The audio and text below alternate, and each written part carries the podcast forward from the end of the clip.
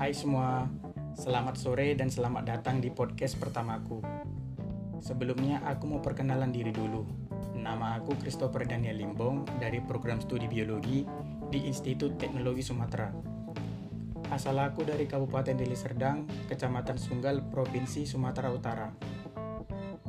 Nah, jadi tujuan aku buat podcast ini untuk memberitahu tujuan hidupku ke depannya.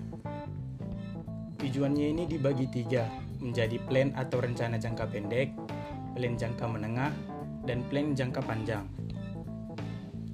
Untuk plan jangka pendek aku, yaitu mendapat IPK di atas 3, mengikuti jalannya perkuliahan dengan baik, dengan penuh kedisiplinan, baik dari segi waktu sampai yang lainnya.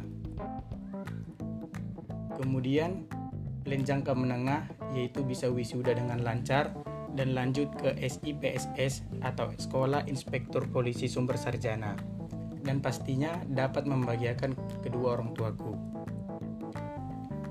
Kemudian, plan yang terakhir yaitu plan jangka panjang aku, yaitu mendapat pasangan yang baik, menikah, dan, dan mempunyai masa depan yang cerah. Oke, mungkin itu saja isi podcast saya untuk yang pertama ini tentang tujuan hidup ke depan. Terima kasih kepada pendengar yang mendengarkan dengan baik. Dan jika ada pertanyaan, bisa atau dapat menghubungi saya di Instagram @christopher double P dan double E. Dan jika ada kesalahan, mohon maaf untuk semuanya kepada pendengar isi podcast saya.